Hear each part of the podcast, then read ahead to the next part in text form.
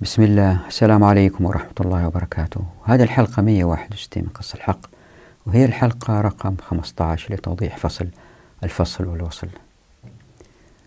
في أول الحلقة الماضية تحدث عن التاريخ وأهميته ومتى نحتاج ندخل فيه ويجب أن لا يأخذ أهمية كبرى بحيث أنه نفقد الوقت في دراسة الحقوق لأن العمر محدد. فبس حبيت أذكر لأنه في استفسارات كانت أنه إذا تنظروا إلى كتاب عمارة الأرض في الإسلام تجدوا الكثير من الأمثلة التاريخية اللي هي آه، الاستيطان في الفسطاط في الكوفة في البصرة. أمثلة أخرى مثل النوازل التي تحدد عرض الشارع آه، من أقوال الفقهاء. هذه كلها مسائل تاريخية بس النوازل يمكن ننظر لها الواحد على أنها فقه. بينما الاستيطان هي قرارات سياسية أيضا فيها جانب فقهي. فتلاحظوا الكثير من الاستشهاد بالمسائل التاريخية في إثبات نقاط معينة. هي طبيعة بني آدم يعني البشر يحبوا الحكايات يحبوا القصص.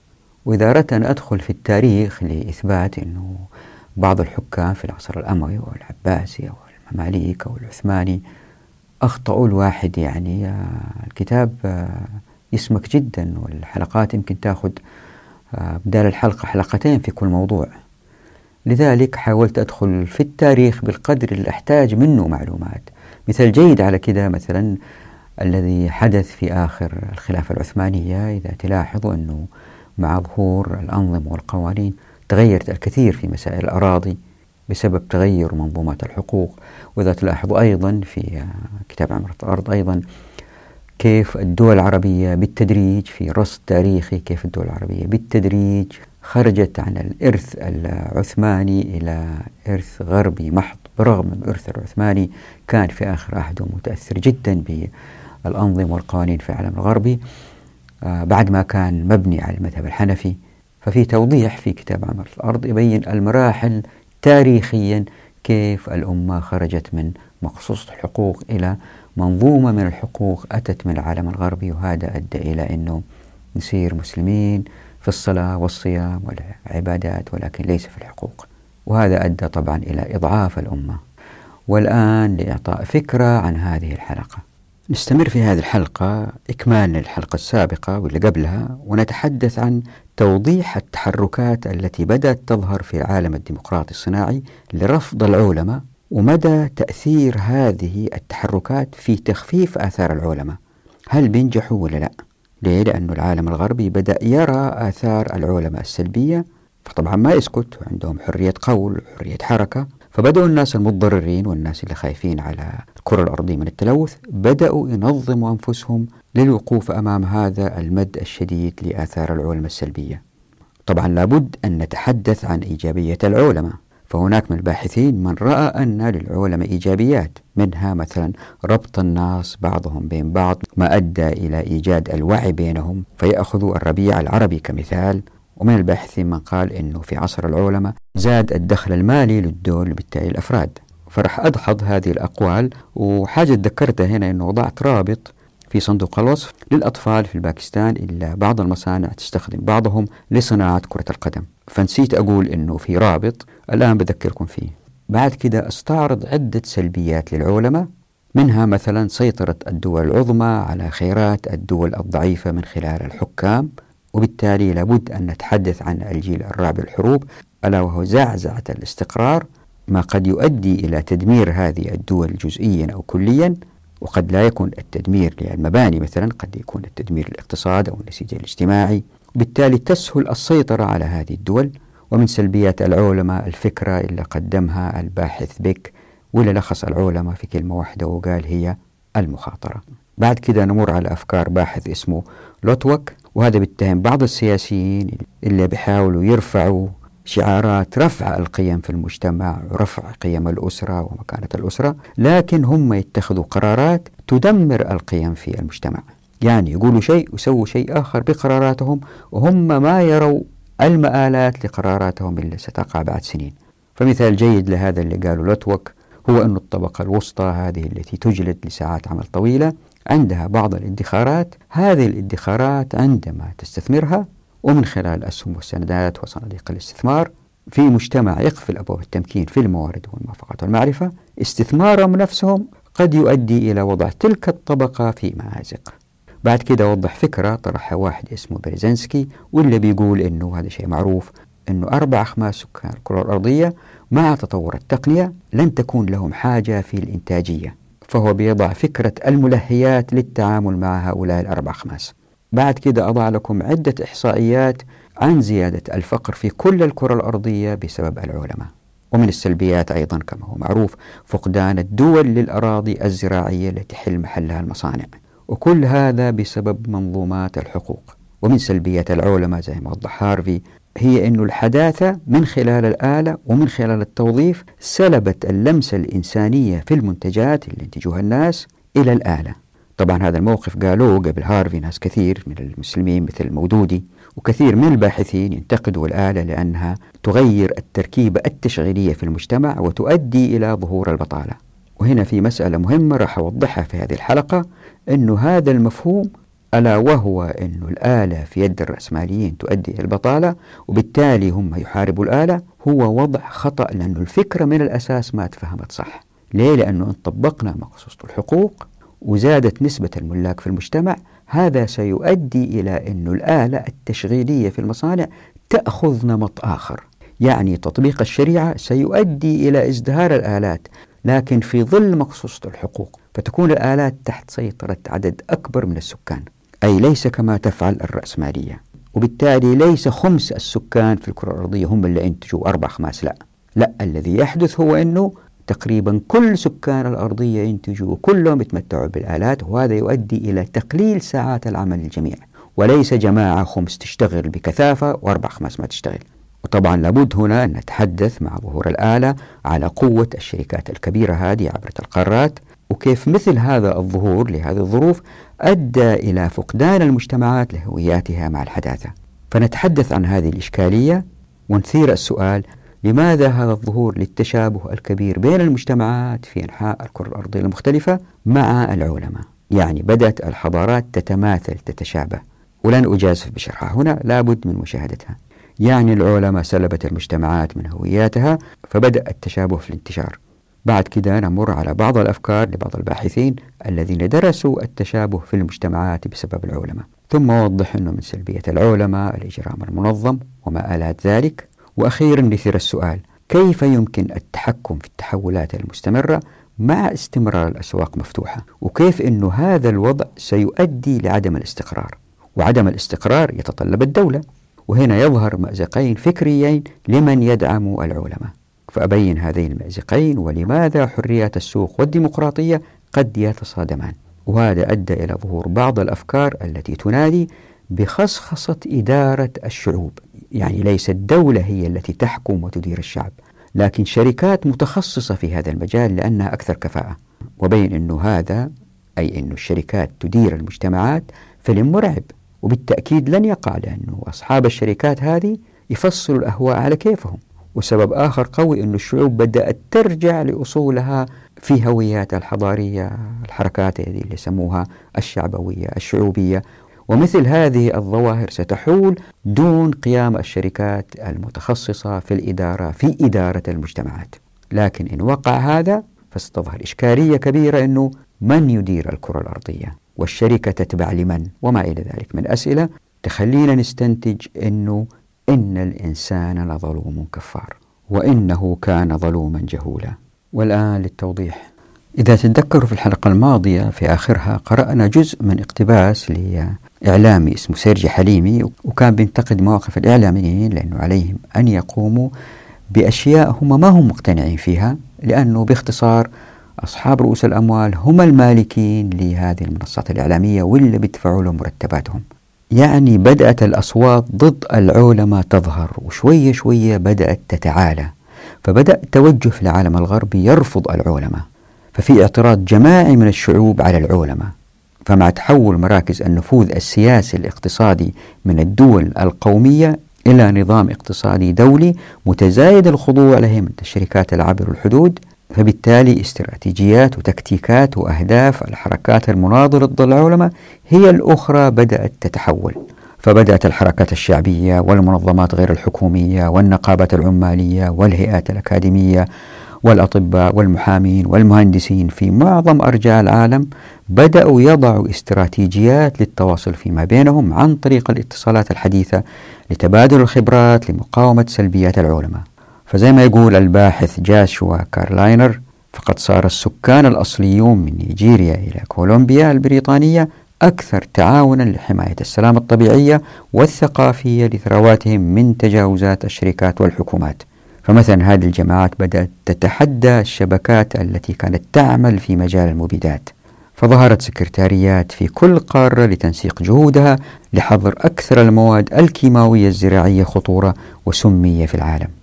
هذا زي ما أنتم عارفين في منظمات مثل السلام الأخضر وأصدقاء الأرض. هذول كانت لهم مكاتب في عشرات البلدان تتولى إطلاق حملات منسقة تستهدف لجم تدمير الشركات للبيئة. فالجماعة المعروفة مثلا باسم أويل ووتش والتي تتخذ من الإكوادور مقر لها تتعاون مع ناشطين عبر العالم الثالث لمحاربة إساءات شركات النفط العالمية في المناطق المدارية.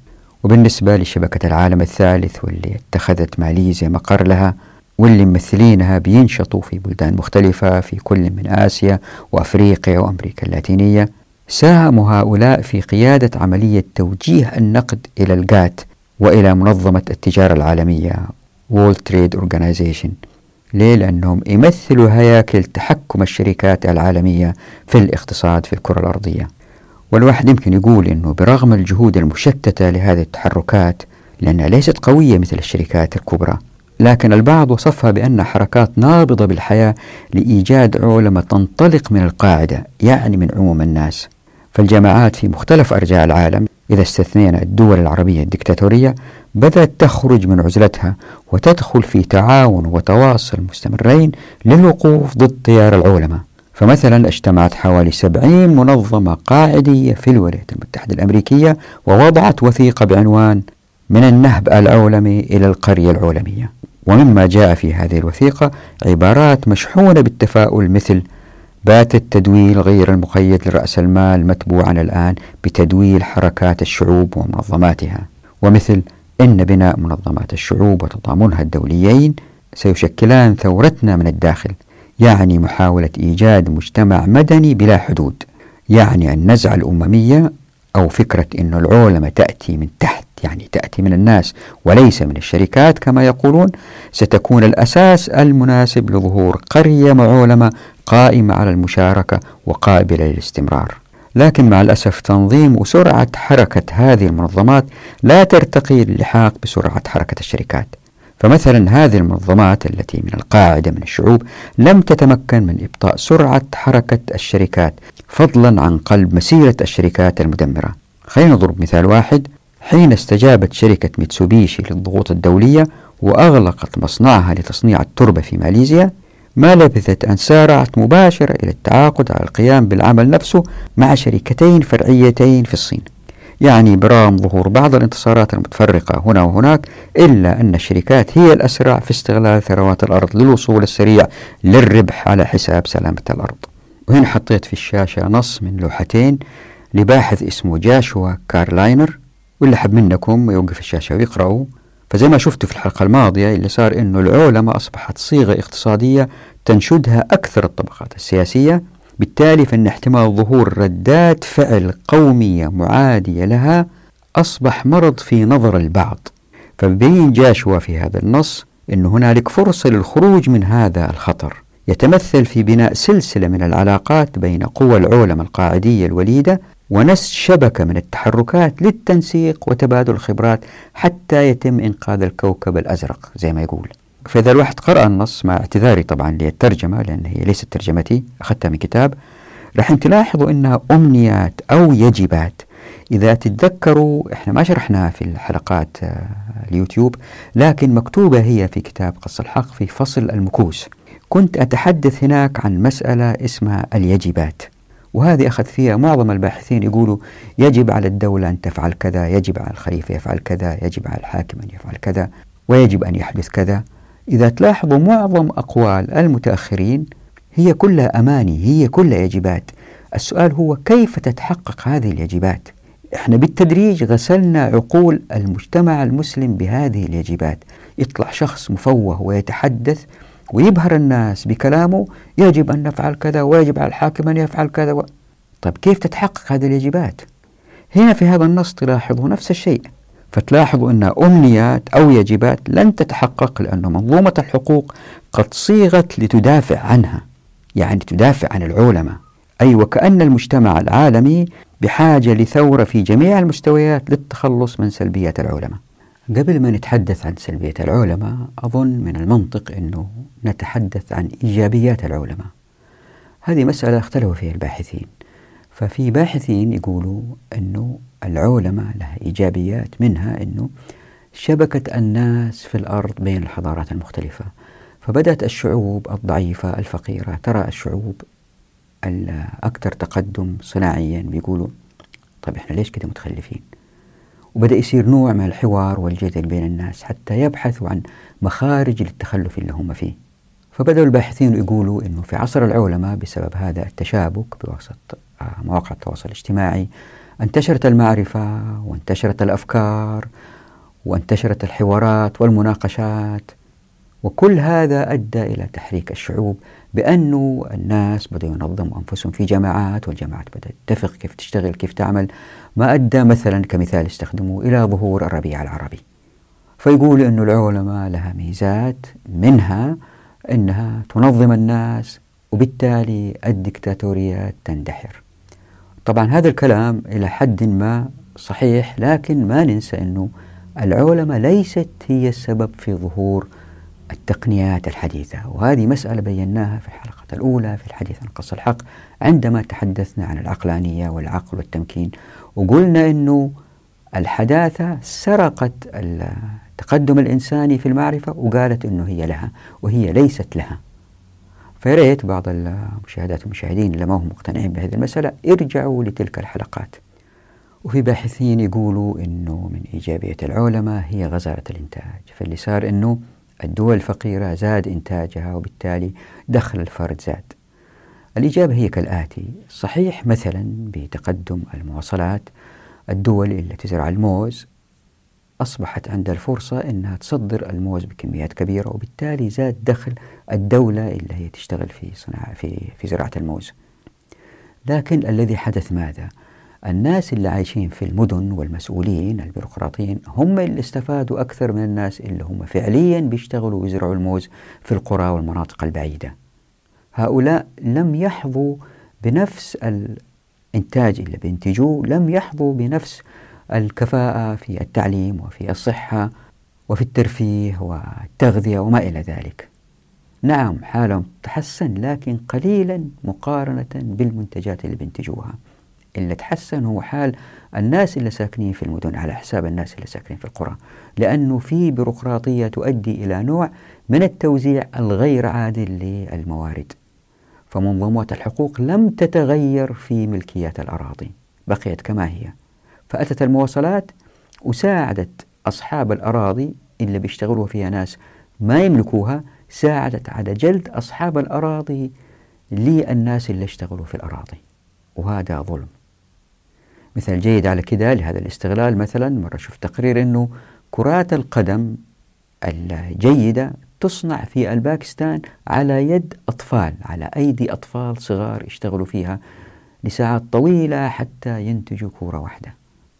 ناهيكم عن أنه عزو التقدم التقني في المواصلات للعلماء. هذا غير صحيح. هذه مسألة زي ما قلت من شوية متصلة بالتقدم المعرفي للبشرية. وهذه موضحة في الحديث عن العقل والتمكين في القذف بالحق والقذف بالغيب. وبالنسبة للصين اللي تغنى بها العلمانيون باستفادتها من العلماء الرد هو الآتي صحيح أن الصين أصبحت من أكثر الدول خروجا من الفقر بعد أن فتحت الصين اقتصادها للغرب سنة 1978 ميلادي. وصحيح أيضا أن عدد السكان اللي يعيشوا على أقل من دولار واحد يوميا أنخفض من 260 مليون إلى 100 مليون بعد عقدين من الزمان وبنمو اقتصادي وصل أحيانا إلى 10% في السنة. وصحيح أيضا أننا إن وزعنا مجموع ما أنتجه البشر على سكان الأرض في ظل العولمة لوجدنا أن نصيب الفرد أكثر من أي عصر مضى.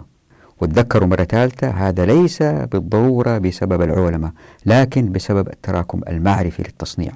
كل هذا اللي ذكرته هو إحصائيا ونظريا. لكن الواقع والذي فعلته العولمة هو أنها جعلت نسبة الاقتناء للخيرات غير متساوية. التاريخ البشري ما شاهد تراكم كبير في أعداد من لا يجدون ما يأكلون كما هو حالنا اليوم.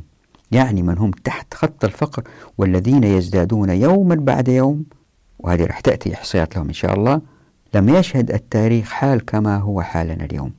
وبالنسبة للي هم فوق خط الفقر بقليل فاللي استهلكوه برغم أنه أكثر من فقراء الماضي إلا أنه لا يتناسب مع ما يملكه الأثرياء. وهذا يزيد الإحساس بالفقر ويزيد الاستعباد. إذا تتذكروا في حلقات ماضية قلت أنه ما استمتع به هارون الرشيد يقل عما يستمتع به كثير مننا الآن.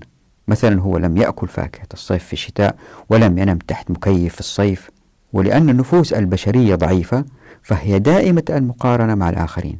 ومن هنا يأتي الإحساس بالفقر ويتولد الاستعباد وهو ما تحاول الشريعة جذه من جذوره. فالعولمة لن تكون عادلة وما حدث في الصين برغم أنها دولة قوية عسكريا وسياسيا هو زيادة كبيرة في دخل البعض على حساب من يعملون مستعبدين في مصانع كالسجون.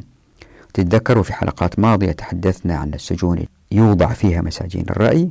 بالإضافة لذلك في مناطق في الصين يحشر فيها العمال في مساكن ضيقة مقفلة ليلا خوفا من هروبهم برغم أنهم أتوا بمحض إرادتهم بسبب ضيق وضعهم المالي وهؤلاء غرر بهم وجذبوا للعمل بعد كده اكتشفوا أنهم لا يطيقوا أوضاع العمل والسكن اللا إنسانية ومع ذلك مجبرين على البقاء العمل. وهذا وضع لا ترفض الحكومة الصينية والتي هي بحاجة لهذه الاستثمارات الأجنبية. وفي نفس الوقت الدول الغربية التي تدعي الديمقراطية تغض الطرف عن هذا الإرغام للعمل لهؤلاء الأفراد. فأين هي الحرية والإنسانية التي يدعيها هؤلاء؟ وبالنسبة للدول الضعيفة سياسيا واقتصاديا زي ما هو معروف هذه مسألة معروفة لكل الباحثين تقريبا كلهم. وحتى بعضنا عايشين هذه المسألة إلا صار أنه الدول القوية زي الولايات المتحدة الأمريكية ترغم الحكام في الدول الأضعف واللي عندهم خيرات ترغمهم على فتح المجال للشركات الأمريكية حتى تأتي وتأخذ الموارد والمواد الخام من هذه الدول. وإذا ما سمع الكلام شفت عدد وثائقيات في هذه المسألة تقتله. والقتل المعروف في العادة في الطائرة زي ما صار مثلا مع ضياء الحق الرئيس الباكستاني. وطبعا زي ما فهمت هم يجوا بالطيب أفتحنا الأبواب أنت تستفيد نعطيك أموال الحكومة تستفيد. أنتم كشعب ما عندكم المقدرة التقنية لاستخراج هذه الموارد الخام. إحنا عندنا شركات قوية عندها التقنيه ونستخرجها نعبد الطرق التي تؤدي إلى هذه المواد الخام. أنتم تستفيدوا بفتح مدارس بفتح مستشفيات نعطيكم أموال. طبعا دولة ضعيفة فقيرة.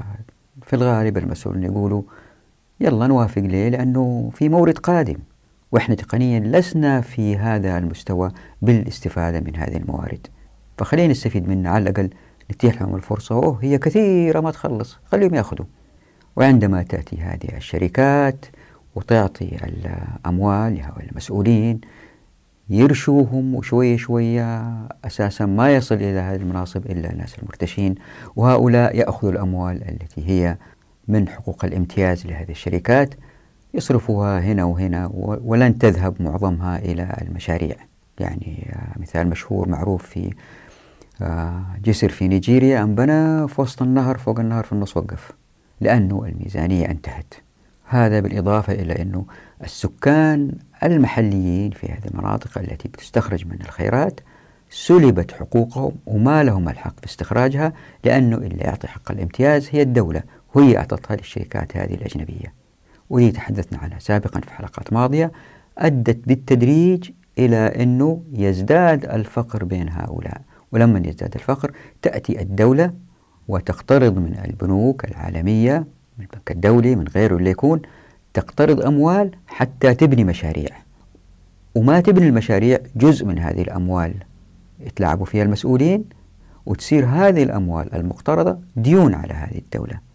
ولأنه الحكومة ما قدرت تدفع إلا بيصير أنه تتراكم الفوائد الربوية. ويوم عن يوم يوم عن يوم يقترضوا وما يسووا أشياء تساعد الأمة على أنها تنهض من هذه اللي هي فيه حتى تدفع هذه الديون. لا تتراكم الديون وتتراكم معها فوائد ربوية في عديد من الدول الآن ما هي قادرة تسدد الفوائد الربوية؟ ناهيكم عن تسديد الديون.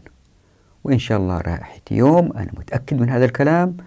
مقدرته سبحانه وتعالى راح تجعل هذه الشعوب تنهض وعندها لن تسدد هذه الشعوب هذه الأموال ولا حتى القروض الأساسية. لأنها أعطيت لعصابات تسرق الشعوب. فهذا اللي سوته العلماء شركات قوية بالمساعدة من الحكومات اللي هي في بلدها استهدفوا المسؤولين في البلدان اللي فيها موارد وخيرات. وأحيانا لا نرى هذا الشيء لأن الأموال التي تأتي كثيرة مثلا مثل النفط وعدد السكان قليل. وأحيانا ترى بوضوح لأنه عدد السكان كثير والموارد قليلة. فالواحد يمكن ينظر للعولمة من هذه النظرة ألا وهي ليست استعباد فقط المسؤولين وأصحاب رؤوس الأموال للشعب ذاته لكن استعباد دول لدول أخرى. وداخل هذه الدول استعباد الطبقة الحاكمة لباقي الشعب. وفي باحث اسمه ماكس مانورنيج وهذا الباحث تحدث عن الجيل الرابع للحروب واللي زي ما أنتم عارفين أكثركم تتمحور حول أنه ما تحتاج القوى الكبرى أنها ترسل جنود يغزو الدول الأخرى على أرضها لكن تزعزع الاستقرار في تلك الدول.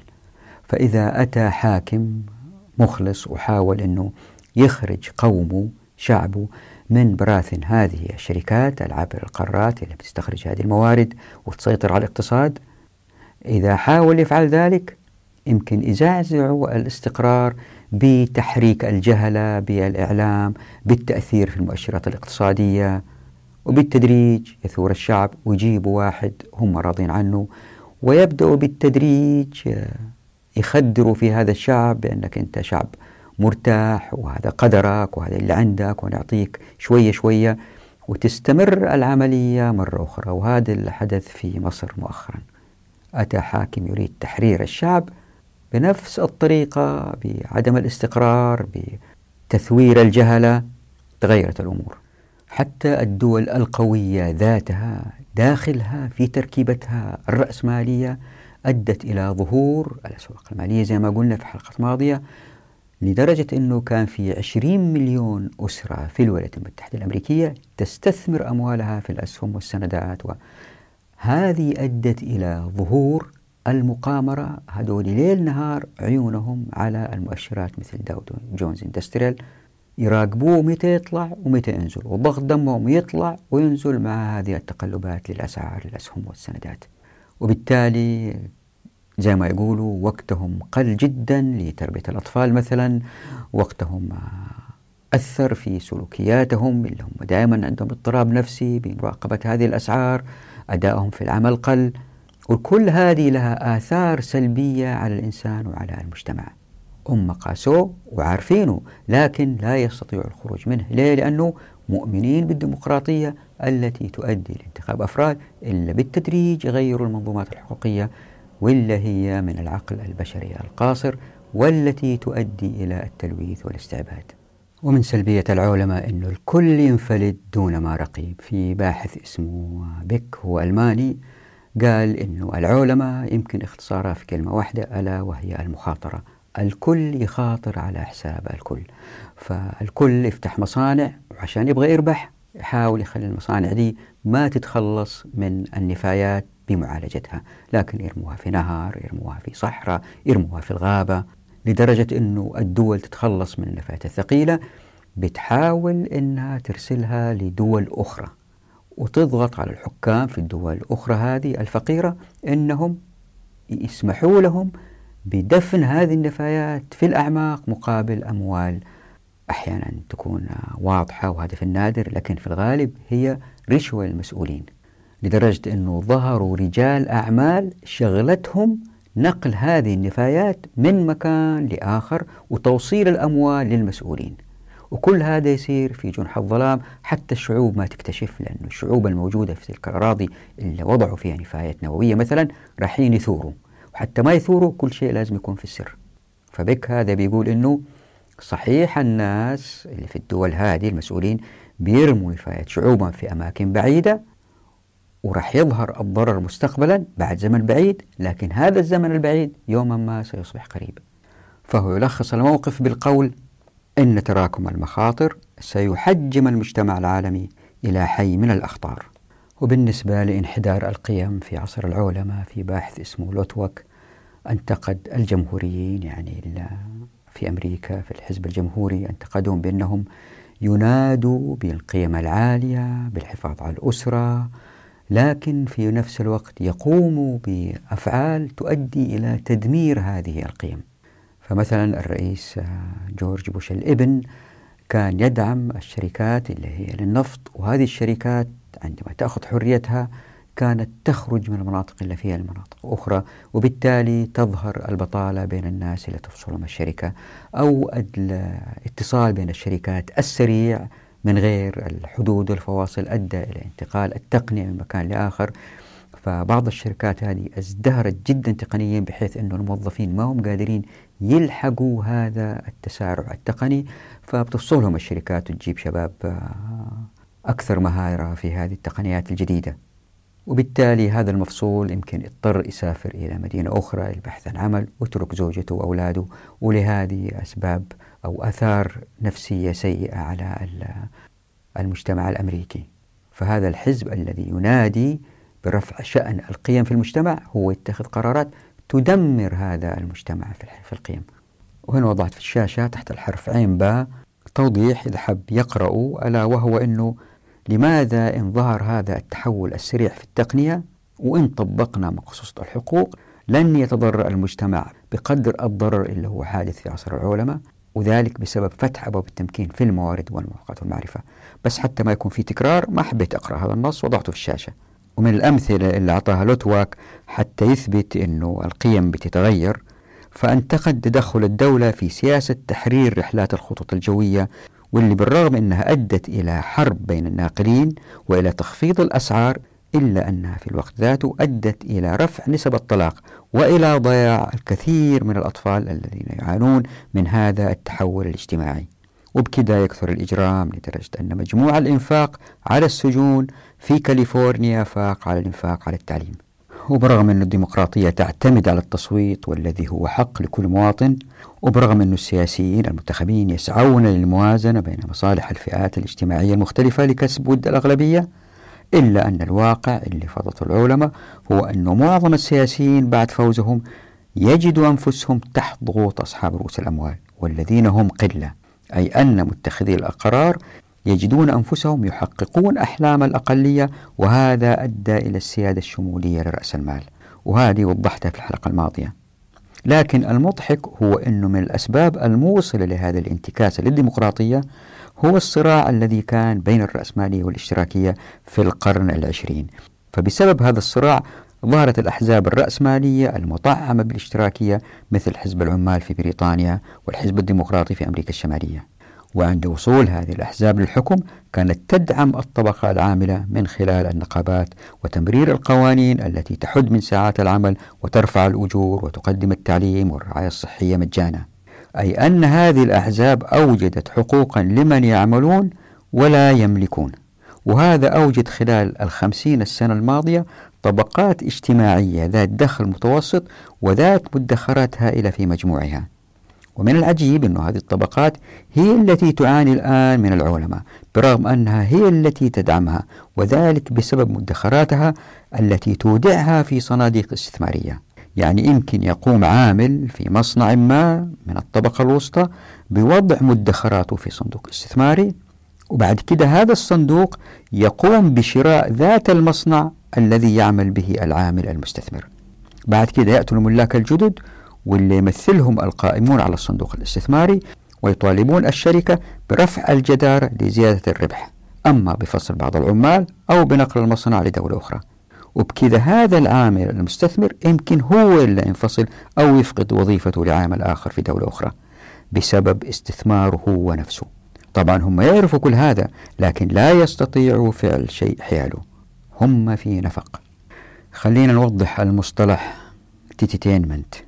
وهذا وضعه الأمريكي بيرزينسكي وهذا المصطلح يتكون من كلمتين هما tits و entertainment ومعناها التقريبي هو البحث عن كل ما يمكن وضعه من مسليات لإلهاء الناس وتصبيرهم على ما هم عليه من فقر وبؤس.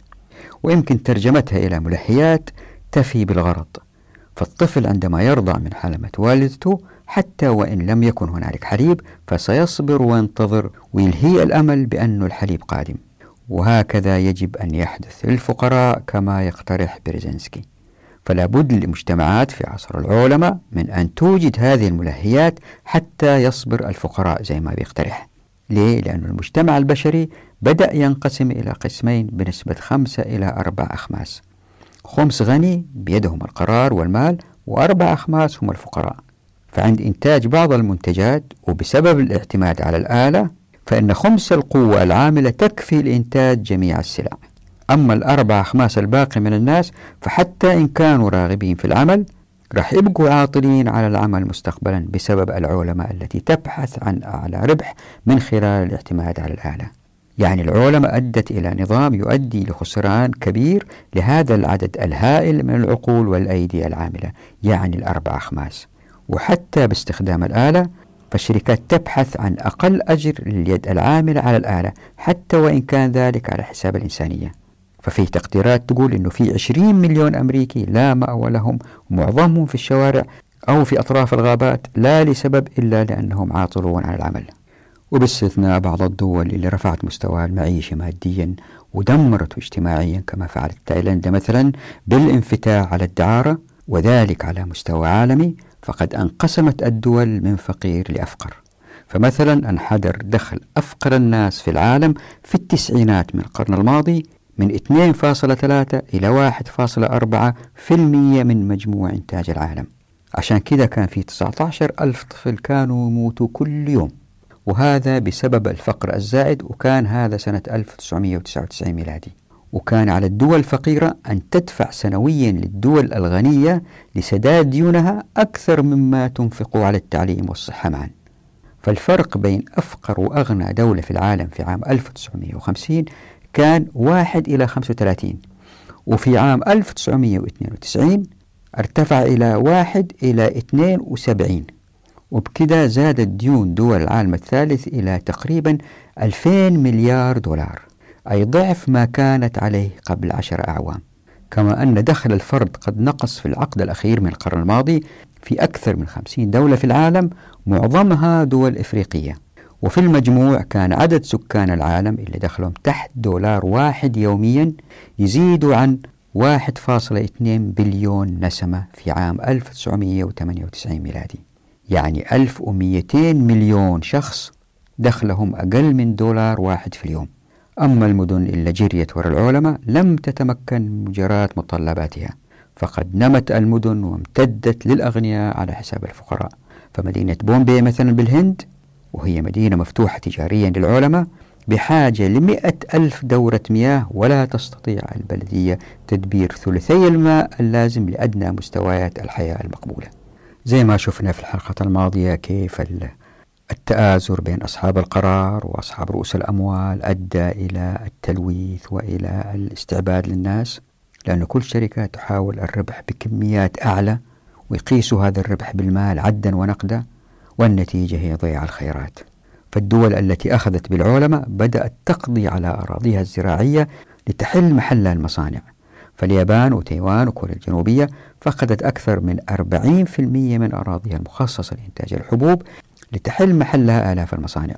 أما جزيرة جاو الأندونيسية فإنها تفقد سنويا 20 ألف هكتار من الأراضي الزراعية أو ما يكفي لإطعام 360 ألف مواطن برغم الزيادة السكانية في الجزيرة. وعشان كده بدأت أسعار القمح والذرة ونحوها من الحبوب في الزيادة. يعني البشر يمكن يأتوا إلى كارثة غذائية في الأجيال القادمة إذا استمر نفس هذا النمط. فبرغم كل التقدم في الزراعة وصناعة الغذاء مثل تكنولوجيا الجينات والتحسين في البذور والأسمدة وآلات الحرث والحصد فالبشرية بحاجة لثروة خضراء ثانية لتتمكن البشرية تحت مظلة العولمة من تغذية نفسها. وطبعا من الأسباب المؤدية لهذا إسراف الأغنياء ومتوسطي الدخل على حساب الفقراء وبسبب سوء الإدارة من هؤلاء الذين يعملون ولا يملكون. فالله سبحانه وتعالى زي ما وضحنا في فصل ابن سبيل معطي واهب وهاب رازق رزاق كريم جواد غني مغني محسن. فالموجود في الكرة الأرضية أكثر مما يكفي الناس. حتى الإنتاج الحالي العالمي أكثر مما يكفي الناس. فالمجموع الإنتاج العالمي أيما كتبت هذه الصفحات وصل إلى 4 مليار طن في السنة. وهذا رقم يزيد عن متطلبات البشر. فقد قامت جمعية المهندسين الميكانيكيين في إنجلترا سنة 2013 ميلادي يبحث عن الهدر في الغذاء ووجدوا أنه نصف إنتاج العالم يلقى في القمامة سنويا بسبب سوء التخزين وسوء النقل وسوء سلوكيات المستهلكين الباذخة.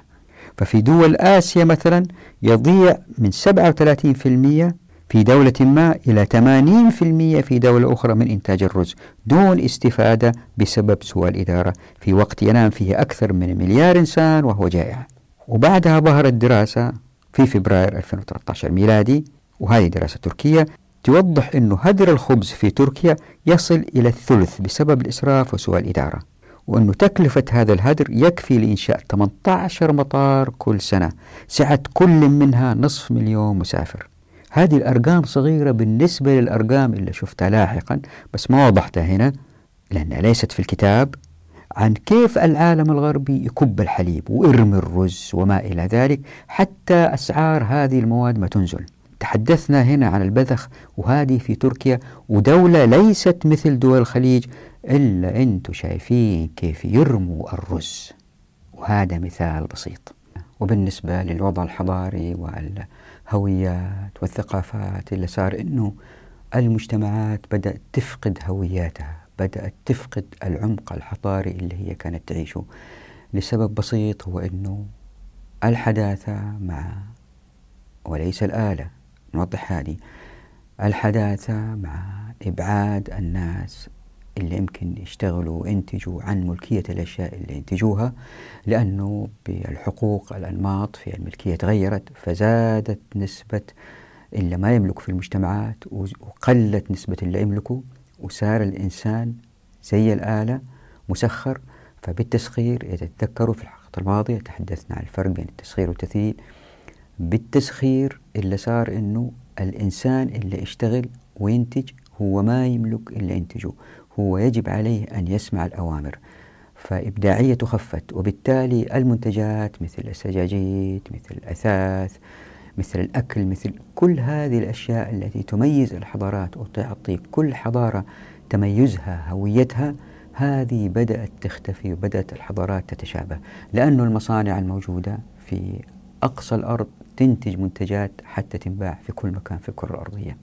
وبكميات كبيرة ومن الآلات. واللي صار أنه الناس اللي اشتغلوا في هذه المصانع لأنهم أجراء وما لهم الحق في الإضافة معرفيا أو بالتجربة في المنتجات لأنه هي خطوط إنتاج أو كل واحد عليه أنه يعمل كذا كذا كذا من الساعة كذا للساعة كذا. ما كان عند الأفراد أي فرصة للإبداع بإضافة معرفية جديدة أو من خلال تجربة هم عاشوها يضيفوها المنتج فما صار الإنسان اللي ينتج يفتخر بالحاجة اللي يسويها. وهذه المسألة ركز عليها ديفيد هارفي بكثرة ونجح في توصيلها للمجتمع الغربي أنه إحنا في المجتمعات الديمقراطية الصناعية بعد الحداثة سلبنا المهنيين سلبنا الصناع المهرة الكرافتسمان سلبنا منهم المقدرة الإبداعية اللي كانوا يضيفوها للمجتمعات. لهذا السلب آه سلبيات كثيرة منها مثلا أنه الأفراد أصبحوا آه لا يشعروا بالعزة عندما ينتجوا شيء أصبحوا مكسورين ولهذا آثار كبيرة في المجتمع. تشابهت المجتمعات أصحاب رؤوس الأموال همهم الربح فيبحثوا عن المنتج الذي يأتي لهم بالربح. بينما الصناع المهرة دائما هم بيشتغلوا ويحاولوا يبدعوا فهم يشعروا بعزة النفس وهم يشتغلوا وينتجوا ويشعروا بالراحة وبالاستمتاع لأنه يعرفوا هذا المنتج هو لهم ويحاولوا يتقنوا أكثر حتى يأتي بسعر أعلى. فالإبداعية ترتقي ترتقي ترتقي. هنا في مسألة لازم ما نخلط فيها ألا وهي أنه الحقوق ومحورها كنقطة مركزية في هذه المسألة محورية هو أنه كثير ناس يعتقدوا أنه مع الحداثة وظهور الآلة زادت الإنتاجية. نعم هذا صحيح. وأنه إذا كان أبعدنا الآلة عن الصورة المجتمعات تتخلف والإنتاجية تقل. وهذا أيضا صحيح. إذا أين المشكلة؟ المشكلة هي أنه اللي يملكوا الآلات هم ملاك المصانع وليسوا من يعمل في هذه المصانع. ولأن العملية بدأت تتمركز ولا تتفتت تذكروا فصل الشركة تحدثنا عن التفتيت لأن العملية الإنتاجية لم تتفتت أصبحوا الأفراد اللي اشتغلوا في هذه المصانع مأجورين عند الملاك اللي يملكوا الآلات. فما في إضافة معرفية من الناس اللي يشتغلوا في استخدام هذه الآلات وفي التأثير على صناعة هذه الآلات. فاتجه التصنيع للآلات للمركزية أكثر وأكثر على حساب تهميش اللي يعملوا على هذه الآلات أكثر وأكثر. إن طبقنا الشريعة زي ما راح تشوفوا إن شاء الله في الحلقة القادمة إن طبقنا الشريعة لأنه العملية الإنتاجية اتفتتت. تذكروا أن الشركاء يكونوا أكبر عدد ممكن من الأفراد اللي ما في بينهم خلاف أو بيروقراطية. إن تفتتت العملية الإنتاجية لهذا الوضع إن طبقنا الشريعة تصنيع الآلات التي تخدم هؤلاء ستتجه إلى هذا الحجم.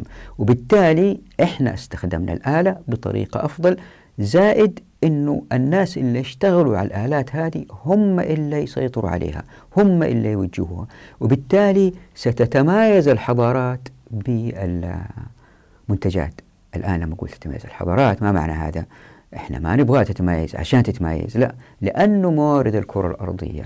مختلفة من موقع لآخر لأنه الجغرافيا والمناخ يختلفوا من موقع لآخر ولأنه ثقافة الناس قناعاتهم اعتقاداتهم أمزجتهم تختلف من موقع لآخر بالتالي نتوقع المنتجات اللي ينتجوها البشر تختلف من موقع لآخر وفي هذا إثراء الكرة الأرضية طبعا لسكانها.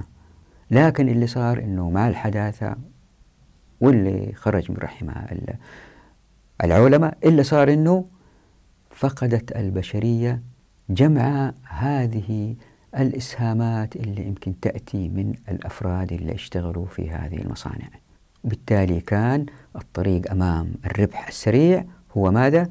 أعلى إنتاجية ممكنة بأعلى ربح ممكن وحتى إن كان هذا على حساب الراحة والجمال والسعادة وما إلى ذلك فحتى أضيف هنا معلومة بسيطة. في الملبوسات ظهرت الماركات واللي قال عنها وزير فرنسي بأنها أكبر كذبة صنعها الأذكياء لسرقة الأثرياء فصدقها الفقراء. وهنا في إضافة مهمة تحدثت عنها في كتاب عمارة الأرض في الإسلام ألا وهي أنه مع الحداثة التي أتت بمنظومات حقوق جديدة من إنتاج العقل البشري القاصر اللي صار أنه لما ظهرت الطبقات طبقات تملك طبقات وسط طبقات لا تملك اللي صار أنه هذا انعكس أيضا في العمران. فنجد مناطق آه، للأثرياء شوارعها أو أوسع مشجرة فيها إضاءة جيدة فيها أرصفة جيدة.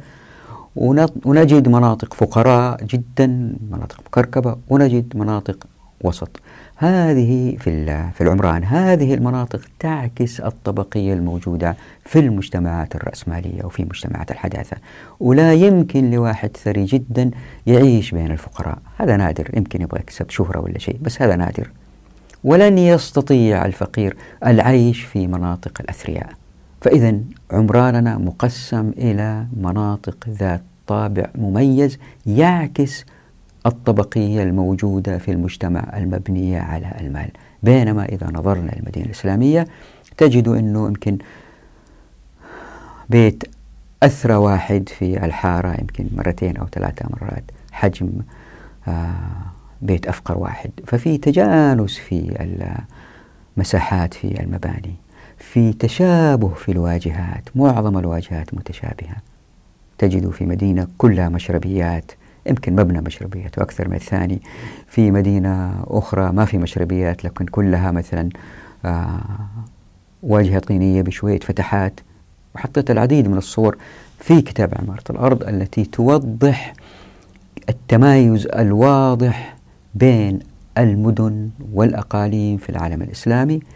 لكن كل مدينة في تشابه كبير بين آه أنماطها البنائية في الواجهات في المساقط الأفقية في عناصرها المعمارية في أنماط طرقها في في تشابه كبير بين الأحياء في نفس المدينة وأيضا في تشابه بين المدن لكن كل مدينة عندها طابعها المميز لأنه موقعها مميز عن باقي المدن ولأنه سكانها مميزين عن باقي المدن. وكأنه هذه الأنماط البنائية في المدن الإسلامية هي تلبي حاجات المجتمع. بأسره لأنه هذا المجتمع واقع في أرض تختلف عن باقي المدن. أنا لا أريد الدخول في التفصيل هذا لأنه لا أريد أن يساء الفهم لأنه الموضوع هذا ما أعطيته حقه في هذا الكلام الآن. فهو موضوع أكبر بكثير. بس فقط حتى نربطها بموضوع الحقوق نقول أنه إن طبقنا الشريعة رغم أنها لم تطبق بالكامل مثلا الناس في المدن الإسلامية اللي تغنيت فيها الآن لم يكونوا في كامل مقدرتهم الاقتصادية لأن الشريعة لم تطبق بالكامل في بعض العصور في العالم الإسلامي. يعني أبواب التمكين لم تكن مفتوحة في الموارد والموافقات والمعرفة بالكامل. كانت تفتح وتقفل. حسب الحاكم هو يخاف الله كثير ولا يخاف شوية ولا يبغى يجمع ضرائب من الناس. زي ما صار مثلا أيام الحجاج الناس ضعفوا اقتصاديا. بالتالي هذا يأثر على عمرانهم. وعندما يقوى الناس اقتصاديا عمرانهم يسمو أيضا لأنه بيستثمروا. يبغوا يعيشوا في, في, في راحة من غير إسراف من غير تبذير. هذه مواضيع يأتي إن شاء الله الحديث عنها لاحقا لكن أردت لفت النظر لهذه المسألة ألا وهي أنه مع عدم تطبيق مقصود الحقوق نحصل على مدن فيها أحياء تعكس التركيبة الطبقية مع تطبيق الشريعة لأن الناس متقاربين في الدخل تذكروا؟ الشريعة إن طبقناها. تزيد نسبة الملاك في المجتمع تزيد نسبة المسيطرين في المجتمع إلا يصير أنه لأنه الناس في نفس المنطقة وفي أعراف ومسألة الوصول للأعراف هذه مسألة ثانية. مريت عليها سريعا في حلقات سابقة لكن هي موضح أكثر في كتاب عمارة الأرض. لأنهم اتبعوا نفس الأعراف وصلوا لأفضل حل عمراني ممكن يقدروا يعيشوا فيه. لكن اللي صار مع الأسف بعض المعماريين الحاليين بينظروا لتلك العمارة ويقتبسوا منها ويجيبوها. وأنا دائما أقول إحنا الآن مختلفين عن هؤلاء. إمكانياتنا التقنية في مواد البناء في, في كل شيء مختلفة عن السابق ارتقت كثير. عمراننا يجب أن يرتقي وسيرتقي إن طبقنا مقصوصة الحقوق. وليس النظر إلى ما أنتجه أولئك ونجيبها زي ما هي ونحطها. نعم نستفيد منها نتعلم منها لكن مو إحنا نقرر. يقرر مين؟ الناس. لأن مقصوصة الحقوق تعطيهم الحق في اتخاذ القرار. لكن هذا لا يعني أن البيئة تكون فوضى لا. مجموعة سكان يقدروا يجيبوا معماري أو مخطط يشتغل لهم وما يعطيهم أوامر لا. هذا موضوع طويل يعني يصير نوع من التناسق بينهم. هذا موضوع طويل حتى ما نخرج. الفكرة أنه فقدت المجتمعات هوياتها مع العولمة والحداثة. طيب هنا يظهر سؤال.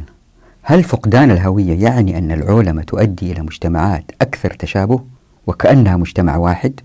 الإجابة منطقية وهي أن أي نشاط في المجتمعات المعاصرة المربوطة بأنظمة الدول المتباينة لابد أن يتحرك هذا النشاط تحت مظلة مؤسسة حكومية أو تجارية أو اجتماعية ذات هويات مختلفة. فمتى ما تعولمت هذه المؤسسات؟ فهذا يعني بالضرورة أن تلك النشاطات أصبحت متشابهة لنشاطات أفراد آخرين في أماكن أخرى من العالم. وبهذا يظهر التشابه وتذوب الهويات. والأدهى هو أن هذا التشابه يأخذ طابعا مصبوغا بصبغة العالم المصدر للعلماء أي بصبغة العالم الغربي. فمنظمة التجارة العالمية مثلا تفرض رزما من قوانين التجارة المتحررة في نظر طرف ولكنها مقيدة لطرف آخر. وهذه الرزم في الغالب من إنتاج العالم الغربي ذلك لأنه لا وجود لأي نظام بيروقراطي لإدارة الدول يعرفه البشر الآن ويعتقدون بكفاءته غير النظام الغربي. وبمثل هذه القوى المؤثرة يظهر التشابه. ولكن في الوقت ذاته سيشوب هذا التشابه التوتر بسبب المقاومة من الشعوب زي ما ذكرت سابقا. ويمكن المؤلم للتقدم البشري بسبب العولمة الظالمة هو تخلف التراكم المعرفي والمتجلي في التشابه الواضح بين المجتمعات. يعني يمكن واحد يرفض هذا الطرح إنه في تخلف معرفي. يقولوا كيف تقول يا جميل تخلف معرفي؟ وإحنا الآن متقدمين جدا تقنيا. فمع العولمة ولأن المعرفة حصرت في الشركات العابرة للقارات في الأغلب فإن التراكم المعرفي أصبح أبطأ في تقدمه لأن عدد المشاركين في دفع قدما أصبحوا أقل في عددهم. يعني إن طبقنا مقصود الحقوق لتقدمت المعرفة والتقنية أكثر وأكثر. وطبعا بعضكم يرفض هذا اللي بقوله لأنه اللي بيشوفوا من منتجات الشركات الكبرى مثل سامسونج وأبل للهواتف المتنقلة تبهر العقول. ويمكن الواحد أيضا يستدل بإحصاءات مثل أن تقنية خزن المعلومات تضاعفت كل 28 شهر منذ ظهور الحاسب الآلي الشخصي حتى عام 2013 ميلادي. فالجواب هو الآتي. إن الذي يحدد التقدم التقني للمنتجات عموما هو سعة مشاركة الناس أولا والمستوى العلمي والتقني الذي وصلت إليه البشرية ثانية. فالأولى تغذي الثانية باستمرار. هذه مرينا عليها سريعا لكن موجودة في مقالة باسم براءة الإسلام ببراءة الاختراع. وحطيت رابطها في صندوق الوصف أسفل الشاشة. يعني كل ما زادت القاعدة المشاركة في دفع المعرفة كلما تقدمت التقنية. فما نراه الآن في عصر العلماء برغم تقدم الباهر راح يكون أكثر تقدم بكثير إن طبقنا مخصوص الحقوق لأن سعة المشاركة ستكون أكبر وأكبر بفضل الله سبحانه وتعالى. أولا ومن ثم بفضل فتح أبواب التمكين ليشارك جميع من في الأرض في الإنتاج المعرفي. أنا عندي قناعة يمكن ما أقدر أثبتها لأنه ما عندي إحصائيات أن من يسهرون على التقدم المعرفي في ظل العلماء لن يتجاوز واحد في الألف من سكان الأرض. فهي ذي مجاهل أفريقيا وأمريكا الجنوبية وآسيا تزخر بالخيرات وبلايين الناس. وهؤلاء البلايين أما من العاطلين أو من العاملين المسخرين وبالتالي المبعدين عن دفع المعرفة قدما. وها هي دول العالم الصناعي كالدول الأوروبية والأمريكية تزخر بمئات ملايين الناس المسخرين وبالتالي المقيدين من المساهمة في دفع المعرفة الإنسانية. لكن إن طبقنا الشريعة فلعل النسبة ترتفع لتشمل كامل سكان الأرض لأن كل فرد في مكانه مميز بذاته ولأنه غير مقيد ولأنه الموارد متاحة أمامه ولأن الله المعطي الواهب الوهاب الرازق الرزاق الكريم الجواد أعطى عقل ليسخره فيما ينتج. عشان كذا هذا الشخص راح يشق طريقه الإنتاجي المميز الخاص به. ولكن ضمن إطار العرف المميز لجغرافيته وهذا يدفع الأعراف التقنية باستمرار للأمام. وبكذا تكون المعرفة في أعلى مستوياتها على الإطلاق مع تمايزات حضارية لا تحدها إلا أعداد من على الأرض من سكان. وطبعا فإن هذا التشابه بين الخدمات والمنتجات بسبب العلماء أوجد بيئة أكاديمية وجو الباحثين ودرسوه.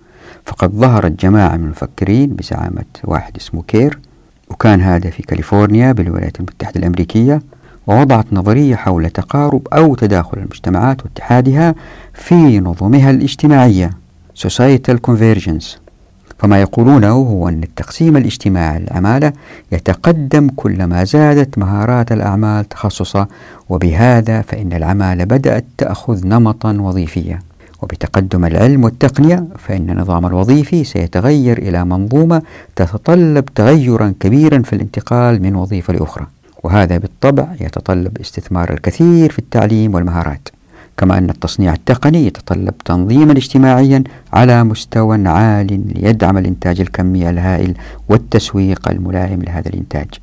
وبهذا فإن هذه المجتمعات تتوزع عمرانيا إلى مدن وتقوم الحكومات بوضع ما تحتاجه هذه المدن من مرافق ومؤسسات اجتماعية وإنشائية لدعم هذا الإنتاج. وعادة ما تكون هذه المؤسسات كبيرة في حجمها وذات تسلسل هرمي وبيروقراط عال كما أن هذه المجتمعات الصناعية تبلور لنفسها قيما مميزة ترتكز على الماديات وعلى الالتزام بالعمل وعلى التجمعات مثل النقابات. وعلى تقدير الكفاءة الفردية. وبيستنتجوا هؤلاء الباحثين بأن على المجتمع الصناعي فرض نفسه على العالم لأن العلم والتقنية اللتان تأسس عليهما المجتمع الصناعي تتحدثان بلغة عالمية. وهكذا تتجه الشعوب نحو الاتحاد في سماتها أو بمعنى آخر إلى العولمة وفي النقيض فهناك من يعتقدون بأن ما حدث في الجزء الرابع من القرن العشرين لا يدعم هذه النظرة. يعني هنا عندنا وجهة نظر مختلفة عن اللي قالوا كير.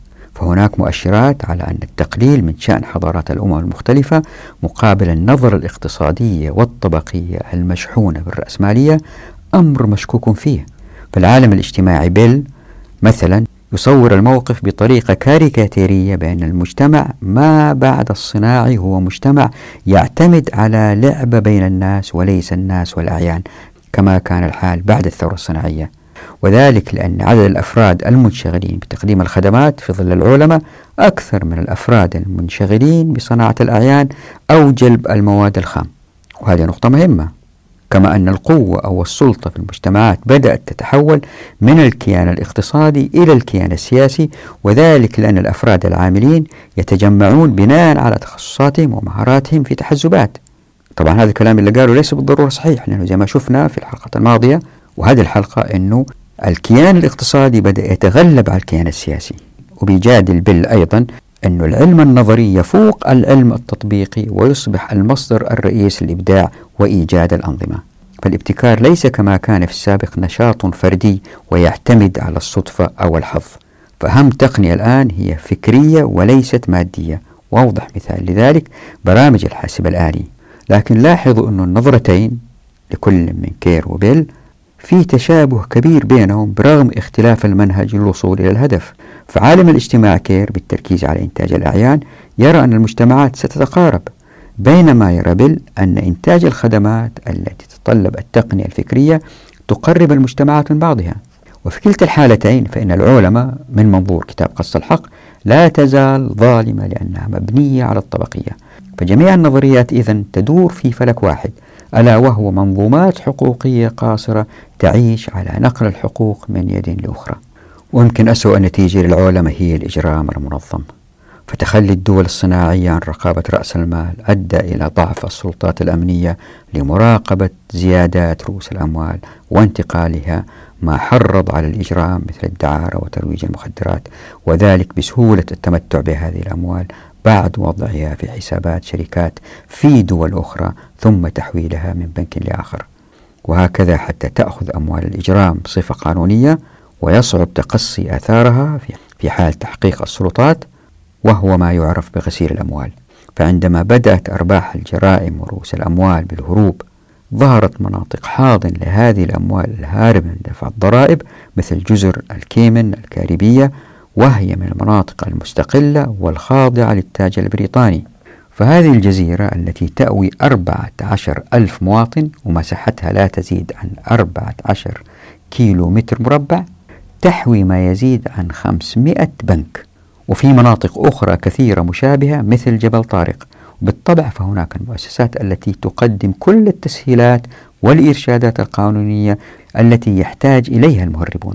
مثل تأسيس شركة وهمية لا وجود لها سوى صندوق بريدي ووثائق لإثبات الهجرة ونحوها من تمويهات أعانت كل من حصل على ثروة عن طريق شبكات الدعارة أو بيع المخدرات من أن يحول أرباح تلك العمليات اللا أخلاقية والوحشية إلى أموال قانونية. ففي إحصائية في التسعينات تقول أنه ما أودع في الدول الصغيرة التي تأوي الهاربين من الضرائب والمافيا يزيد على ألفي مليار دولار. ويقول أحد موظفي الشرطة الدولية في الانتربول إنما هو في مصلحة التجارة الحرة هو في مصلحة مرتكبي الجرائم أيضا. فقد ارتفعت مبيعات الكوكايين إلى أكثر من خمسين ضعفا خلال العشرين السنة الأخيرة من القرن الماضي. لقد أصبحت الجريمة المنظمة هي الأكثر نموا فأرباحها تزيد عن 500 مليار دولار في العام الواحد وأموالها تغسل لتصبح قانونية. لقد ساء الوضع لدرجة أن منظمات الإجرام تقوم الآن بشراء ضمائر من يعملون في الدولة من المكلفين بمكافحة مصالحها. بل إن بعض المنظمات الإجرامية تمكنت من شراء مصالح حكومية بكاملها كما هو الحال في روسيا وأوكرانيا وكولومبيا. طبعا هذه الإحصائيات والشواهد كانت قبل ما انتهيت من كتاب قص الحق إلى الفصل 12 يعني قبل 2014 ميلادي. وزي ما أنتم شايفين من كل هذا الوصف في رسالة واضحة ألا وهي أن العلماء أثبتت أنها تؤدي إلى تحولات هيكلية مستمرة لن يتمكن الكل من اللحاق بها ومن تحمل تبعاتها. فالسؤال لمن ينادون بالعلماء هو كيف يمكن التحكم في هذه التحولات المستمرة مع استمرار الأسواق مفتوحة؟ هذا بالإضافة إلى أنه الثابت هو أن العلماء من خلال تكامل الأسواق برغم أنها ستؤدي إلى جدارة عالية في الإنتاج للبعض اقتصادية إلا أن عدد الخاسرين سيزيد على عدد الرابحين بمراحل. وبكذا ينعدم الاستقرار. هذه مسألة مهمة انعدام الاستقرار. وحتى لا يتخلخل الاستقرار فلا بد من الدولة. وهذا يؤدي لمأزقين. الأول هو أن تدخل الدولة سيضعف من التكامل الاقتصادي العالمي. وهذا مأزق فكري يجابه سياسيي الغرب ومفكريه. أما إن لم تقم الحكومات بمهامها من رعاية للأكثرية غير الثرية ونزلت عند رغبات الأقلية الغنية فإن هذه الحكومات ستخسر الانتخابات لتحل محلها حكومات تمثل الأغلبية الفقيرة والتي قد تنقلب إلى اشتراكية. وهذا المأزق الديمقراطي هو المأزق الثاني. يعني العولمة الظالمة أثبتت بأن حرية السوق وحركته من جهة والديمقراطية من جهة أخرى ليستا هما المحورين اللذين يعملان بتناغم لمصلحة المجتمع لسببين. الأول هو أن حكومات المجتمعات الغربية تحت ظل العولمة أخذت تحقق مصالح المتمكنين اقتصاديا على حساب الناخبين المعدمين. وبكذا ينعدم الاستقرار كما بدأنا نرى ما يحدث في بعض دول الغرب. وفي الوقت ذاته لابد من تقديم بعض الحرية للشركات إذا ما أريد لها الحافز للعمل لتحقيق الربح. وبكذا على السياسيين إيجاد التوازن بين حقوق من يملكون ومن لا يملكون أي إيجاد منظومة جديدة للحقوق. ولن يفلحوا لأن هذا فوق طاقة عقولهم القاصرة من جهة ولأن طبيعة التركيبة المجتمعية الديمقراطية تتيح للكل بما فيهم بالطبع الأثرياء حرية الحركة التامة من جهة أخرى. وهذه الحرية عادة ما تستثمر في كسب المزيد من الحقوق. فالأثرياء لديهم المال لتجنيد المحامين وتغيير القانون وعندها سيجابههم المعدمون بالمظاهرات. وهكذا يترنح المجتمع في التقلب من منظومة حقوقية لأخرى لاستمرار المشادة بين من يملكون ومن لا يملكون. وهذه مشكلة العالم الغربي السرمدية.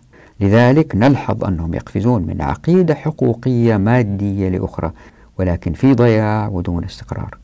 أما السبب الثاني لانعدام التناغم فهو ظهور إشكاليات ذات أبعاد دولية للعلاقات التي تربط البشر مثل الإجرام المنظم. هذه الإشكاليات تفوق الدول في إمكانات التعامل معها من جهة وظهور جماعات قوية تفوق سيطرة الدول عليها مثل الشركات متعددة الجنسيات من جهة أخرى. وهنا تضيع جميع الحكومات لأنها لن تستطيع تسيير العولمة. أي تنفلت الأهواء دون قيد أو رقيب وينتشر الفساد والتلوث. لهذا وصف باحثان العولمة باختصار كالآتي إن نداء العصر الجديد هو لينقذ نفسه من يستطيع ذلك ولكن من هو هذا الذي يستطيع ذلك؟